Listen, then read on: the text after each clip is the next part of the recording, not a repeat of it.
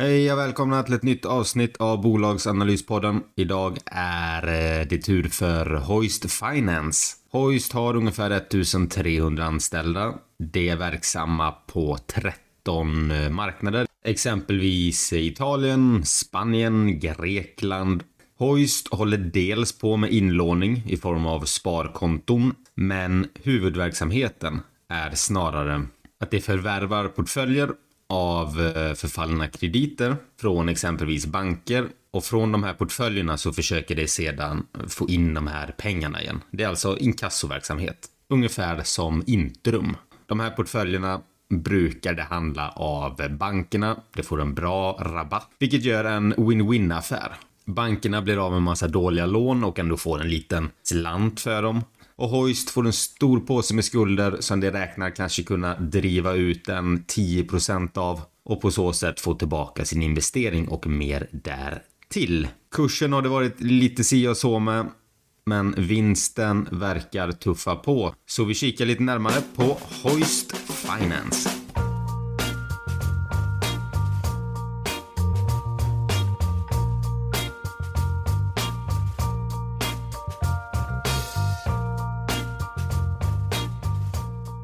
Hoist har enkelt beskrivet två stycken affärsområden.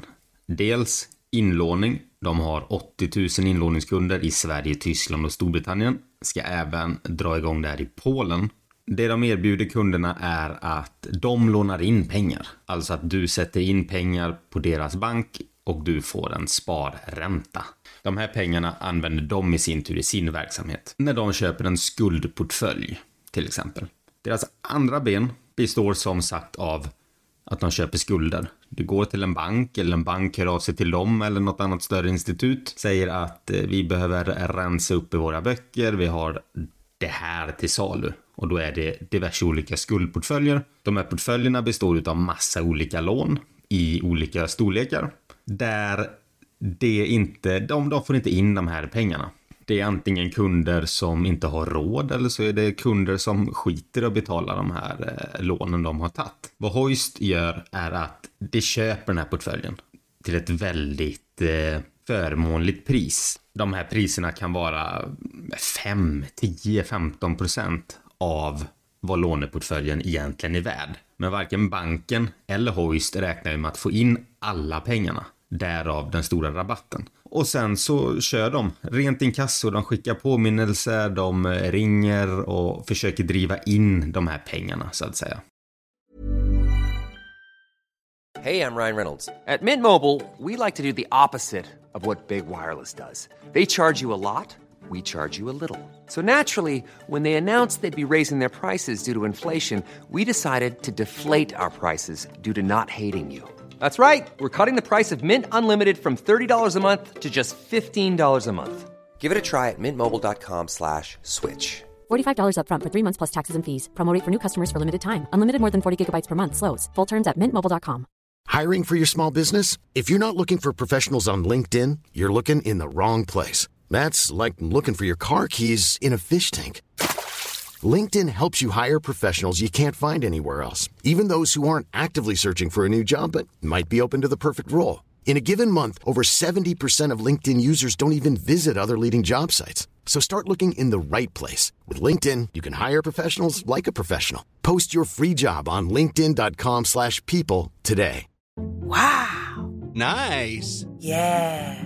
What you're hearing are the sounds of people everywhere putting on Bombas socks, underwear, and t-shirts made from absurdly soft materials that feel like plush clouds. Yeah, that plush. And the best part? For every item you purchase, Bombas donates another to someone facing homelessness. Bombas. Big comfort for everyone. Go to bombas.com slash ACAST and use code ACAST for 20% off your first purchase. That's bombas.com slash ACAST. Code ACAST. Och affären som så, det räcker med att om, om de köper en eh, portfölj på till 10% av det stora värde så räcker det att de då får in 11 kronor på varje hundralapp. Så har de tjänat 10%. Här handlar det jättemycket om personalen, hur det eh, behandlar dem de de ringer upp och försöker driva in pengar. De får nästan samarbeta med de här för att göra upp avbetalningsplaner. Att okej, okay, du är skyldig 10 000 kronor. Ska vi inte bara säga att du kan betala in 800 kronor så stryker vi skulden sen.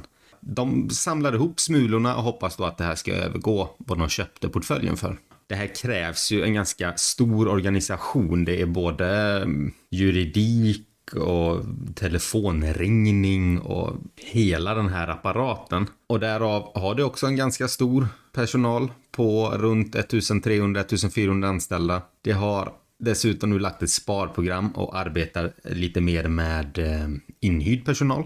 Vilket på kort sikt kanske blir dyrare med eh, lite högre löner och sådär. Men man kan justera antal personal mycket lättare när du har mycket eller lite att göra. Deras portföljvärden, alltså skuldportföljerna de har, så uppgår fördelningen till 23% i Italien, 19% Polen, 15% Spanien, Tyskland har 12%, Frankrike 8%, Grekland 8% och övriga länder 15%. Övriga länder är Storbritannien, Sverige, Nederländerna, Belgien och Cypern. 28% är säkrade tillgångar och 72 är osäkrare. Säkrare tillgångar, då kan det vara exempelvis att de har ett lån kopplat till ett hus eller någon annan tillgång. Osäkrare tillgångar är att någon har lånat 50 000 och dratt till Thailand och nu vill inte betala tillbaka. Hoist har idag ett börsvärde på 2,9 miljarder. Det handlas till en kurs om 32 kronor och 50 öre. Ingen direktavkastning. Vinstmarginalen ligger på 19,3% Vinst per aktie 6,3 kronor. Och ett EV-EBIT på 8,4. Det har som mål att eh, avkastningen på eget kapital ska överstiga 15% och ha en tillväxt i vinst per aktie på 15 Det är Hoist i korthet. Eh, jag tror inte den behöver mycket närmare förklaring. Den är ganska Ehm, enkel affär, ska jag inte säga. att den är betydligt mer komplicerad, men den är väl ganska enkel att förklara. Det har inlåning. De, dessa pengar använder de för att bedriva sin verksamhet som är att de köper diverse skuldportföljer och driver in dessa skulder. Dessa skuldportföljer handlas till en kraftig rabatt och eh, hur mycket de lyckas kräma ur det här är själva nyckeln över hur mycket vinst det gör. Så vi hoppar in i Porten.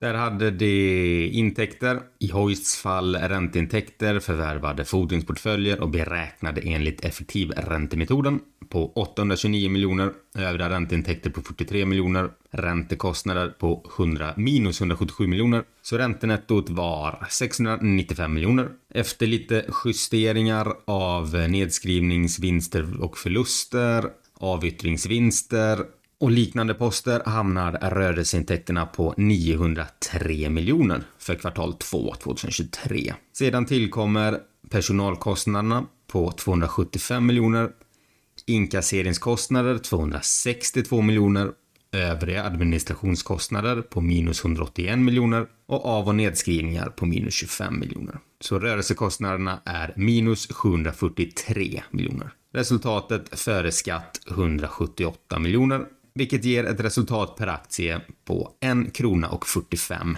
öre.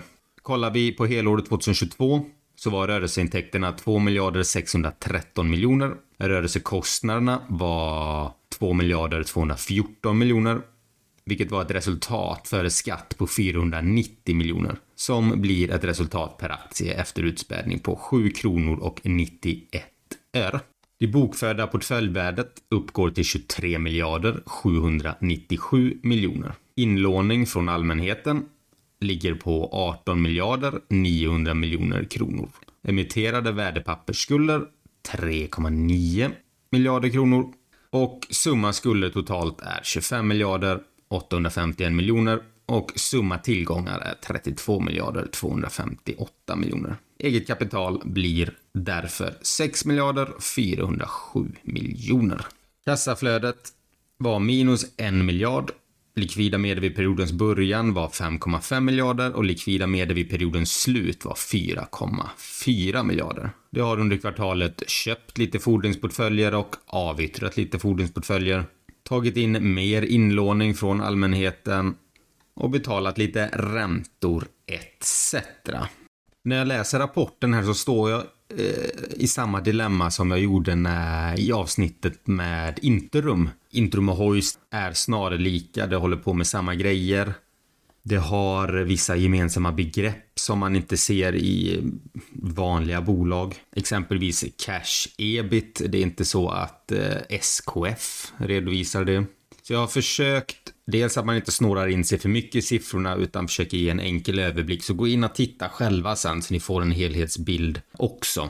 Om vi tar eh, deras kassa till exempel, eller likvida medel, så står 2,2 miljarder är belåningsbara statsskuldsförbindelser och 2,5 miljarder är utlåning till kreditinstitut. Så det är inte så att de bara har 4,4 miljarder som sitter där och puttrar i kassan. Men jag tycker ändå man får den hyfsad överblick av affären och siffrorna och eh, vid en första anblick tycker jag att det ser ganska intressant ut. Det skriver exempelvis eh, i rapporten att inkasseringsresultatet var på 108 procent. Det innebär att om de har budgeterat för att de ska få in 100 kronor så har de fått in 108 kronor istället. Och budgeten får man väl förhoppningsvis anta att de har satt att de ska gå plus på även den. Så att det tjänar alltså mer än vad det har räknat med. Sen vet väl alla, det är en väldigt tuff eh, konjunktur. Om, det, om man väljer att se det som att det kommer gynna Hoist, att de kan komma över mer billiga portföljer de kan köpa upp, eller om de kommer få svårare att driva in pengar. Det beror lite grann på om man är optimist eller pessimist. Och det finns för både fördelar och nackdelar hur man än vänder och vrider på det. I'm Sandra, and I'm just the professional your small business was looking for. But you didn't hire me because you didn't use LinkedIn jobs. LinkedIn has professionals you can't find anywhere else, including those who aren't actively looking for a new job but might be open to the perfect role, like me. In a given month, over 70% of LinkedIn users don't visit other leading job sites. So if you're not looking on LinkedIn, you'll miss out on great candidates like Sandra. Start hiring professionals like a professional. Post your free job on linkedin.com/people today. Hey Dave. Yeah, Randy. Since we founded Bombus, we've always said our socks, underwear and t-shirts are super soft. Any new ideas? Maybe sublimely soft. Or disgustingly cozy. Wait, what? I got it. Bombus. Absurdly comfortable essentials for yourself And for those facing homelessness. because one purchased equals one donated. Wow, did we just write an ad? Yes. Bombas. Big comfort for everyone. Go to bombas.com slash ACAST and use code ACAST for 20% off your first purchase. Hey, it's Ryan Reynolds, and I'm here with Keith, co star of my upcoming film, If, only in theaters, May 17th. Do you want to tell people the big news? All right, I'll do it. Sign up now and you'll get unlimited for $15 a month in six months of Paramount Plus Essential Plan on us. Mintmobile.com slash switch. Upfront payment of $45 equivalent to $15 per month. Unlimited over 40 gigabytes per month. Face lower speeds. Videos at 480p. Active Mint customers by 531.24 get six months of Paramount Plus Essential Plan. Auto renews after six months. Offer ends May 31st, 2024. Separate Paramount Plus registration required. Terms and conditions apply if rated PG. Men aktien är ju rejält nedtryckt. Det är stabila huvudägare. Det har varit en hel del insynsköp och Erik Selin är väl storägare här, bland annat. Hoist har eh, väldigt mycket av sin finansiering som kommer då från inlåningen. Där är Tyskland störst. och Sen har vi Sverige. Här är väl en risk eh, att de behöver höja sin inlåning för att konkurrera. Att folk kanske tar ut pengar från Hoist och väljer att sätta in i en annan bank som har högre sparränta. Det här hålet i balansräkningen måste ju då Hoist täcka upp. Det är väl detta som hände i, ja tiden går så fort, var det i vintras? När det var många amerikanska banker som fick väldigt tufft för att folk sprang till de här bankerna och plockade ut allt de bara kunde. Och då klarar inte en bank sig, den måste ju ha det kapitalet. Jag tvivlar på att detta skulle ske i Hoists fall. Men det är ju å andra sidan en risk som finns i alla banker. I Hoists fall så står ju inte de med en massa eh, andra derivat och, och massa finansiella tillgångar utan de har ju sin skuldportfölj mer eller mindre. Dock ska man ha med sig det som investerare att den här risken finns. För det är faktiskt inte något jag själv var medveten om innan jag läste eh, på om bolaget. Framåt så vill Hoist dubbla sin låneportfölj till 36 miljarder kronor ungefär. Det är en ganska rejäl tillväxt, även om de har växt bra historiskt från och till så är det ändå en rejäl bit över 10% per år för ett sånt här bolag. Det har även sparprogram pågående. De, liksom alla andra bolag, har ju fått dra i sin broms tack vare att eh, konjunkturen är som den är och eh, omvärlden. Och det de egentligen kan spara in på är personal. givetvis göra sin organisation mer effektivt, eh, digitalisera processer, spara pengar i precis allting. Men den stora kostnadsmassan de har är ju personalen. De har fått tagit engångskostnader med detta, men när det slår igenom så kommer ju även det här förbättra deras marginaler. Och tack vare att de gör sig av med lite mer personal så är det det jag pratade om innan, att de kommer ta in underleverantörer istället. Inte för att täcka upp hela personalbortfallet, men man kan ta in dem när det behövs. Det säger att de har en god pipeline för nya portföljer och att de vill växa då sin portfölj, som jag sa innan, till 36 miljarder mot slutet av 2026 med en god avkastning. Och Hoist får jag nog ändå säga att jag tycker det här är väldigt intressant. Det här kan bli en eh, riktigt bra affär om man har lite tålamod och vågar vänta ut eh, marknaden. En sån här typ av verksamhet är ju kanske inte superhet när folk med höga räntor, folk har problem med elräkningar och matpriser och sådär. Och då räknar väl marknaden med att är det några som definitivt inte får in pengar så är det väl på redan förfallna skulder. Då kommer ju de där troligtvis förfalla ännu mer. Här är det återigen Hoists uppgift att visa att de är skickliga på det de gör och kan dra in de här pengarna ändå. Att hela tiden hålla den här portföljen vid liv. Den andra stora risken är inlåningen. Att det blir lite räntekrig på marknaden. Den ena banken höjer inlåningsräntan till 4-5% och den andra höjer till 6% och nu tror jag inte det går så högt men mest för att göra en poäng. Här kommer det också balanseras med tiden och bli hållbara nivåer. Men det kan bli utflöde och då tappar Hoist finansiering samtidigt som de behöver täcka upp för personerna som tar ut sina pengar. Möjligheterna är att det kan komma över ännu fler skuldportföljer till ännu mer förmånliga priser. Och lyckas det komma över fina portföljer samtidigt som konjunkturen förbättras och folk får tillbaka sin återbetalningsförmåga så kan man göra ganska många extra procent på de där låneportföljerna. Värderingen i Hoist är väldigt tydlig på så sätt att det är lite grann antingen eller. Nu är det bara, nästan bara, ska säga, pessimistisk syn på Hoist och man väljer att bara se riskerna. Trots att verksamheten i sig faktiskt verkar rulla på ganska bra. Men här måste man också komma ihåg att man vet egentligen inte jätte, man har en väldigt begränsad insyn i Hoist som investerare. Man ser ju inte deras portföljer exakt hur de är uppbyggda. Det är ju ingenting de redovisar. De visar ju bara det de vill att man ska se. Ska man göra någon form av prognos så tänker jag väl spontant att de hade en omsättning på 2,6 miljarder 2022. Du har fått en inflation, räntor har gått upp och omsättningen januari-juni har legat på 1 miljard 670 miljoner. Vi säger att de nästan landar runt 3 miljarder omsättning 2023. Så det är mycket möjligt att de landar på något resultat per aktie runt 4 kronor. Problemet är bara att i en sån här verksamhet så påverkar väldigt mycket av hur de väljer att skriva av. Skriva ner eller skriva av eller att de slår sina förväntningar i de här skuldportföljerna. För att det är inte heller så att alla pengar de får in att det kan hamna på sista raden utan de måste använda de här pengarna för att köpa nya skuldportföljer hela tiden för att hålla tillväxten igång. Speciellt när de har sagt att de ska dubbla den så krävs det ganska mycket kapital här också. Men skulle det göra en vinst på runt 4 kronor och handlas idag där de handlar på 32 spänn, då är det ett P-tal på 8 det finns ganska många bolag eh, i dagens marknad som handlas på de här P talen som inte exakt har samma nisch som Hoist men som ändå är konjunkturberoende. Om vi pratar byggbolag eller eh, verkstadsbolag och sådär. Där kurserna har handlats ner för att det är lite lägre vinster men där du kan följa med när konjunkturen vänder. Hoist är ju lite grann likadant.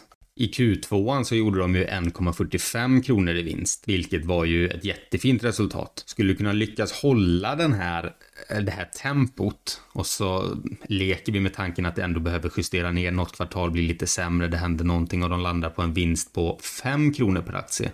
Då är ju P talet så pass lågt som 6,4 och det kan man väl tycka är lite tajt. Men det är mycket om i dessa antaganden så att eh, jag tycker som alltid man ska vara väldigt restriktiv, räkna lågt, låt bolagen i så fall överraska på uppsidan. Och den var, har ju gått rätt rejält sen den var nere på i mars. Då var den ju nere i närmare 21 kronor, strax under det. Så den har återhämtat en hel del. Det släppte en bra Q2, så uppgången är ju ganska relevant. Men de här lätta pengarna känns tyvärr tagna i Hoist. Men det finns samtidigt rejäl uppsida med tanke på deras tillväxtmål och vinst per aktie och sådär. Så det är ett intressant bolag. Detta tycker jag att man ska ha koll på och följa lite närmare. Speciellt intressant med eh, insynsköpen som tickar in lite då och då. Detta var allt jag hade om Hoist. Kom ihåg att det är ingen rekommendation utan snarare en presentation där jag går igenom bolaget och hoppas att du kan spara lite tid där hemma. Glöm inte att önska nya bolag. Jag betar av listan allt eftersom. Så får ni ha det bra så hörs vi nästa avsnitt. Ha det bra. Hej!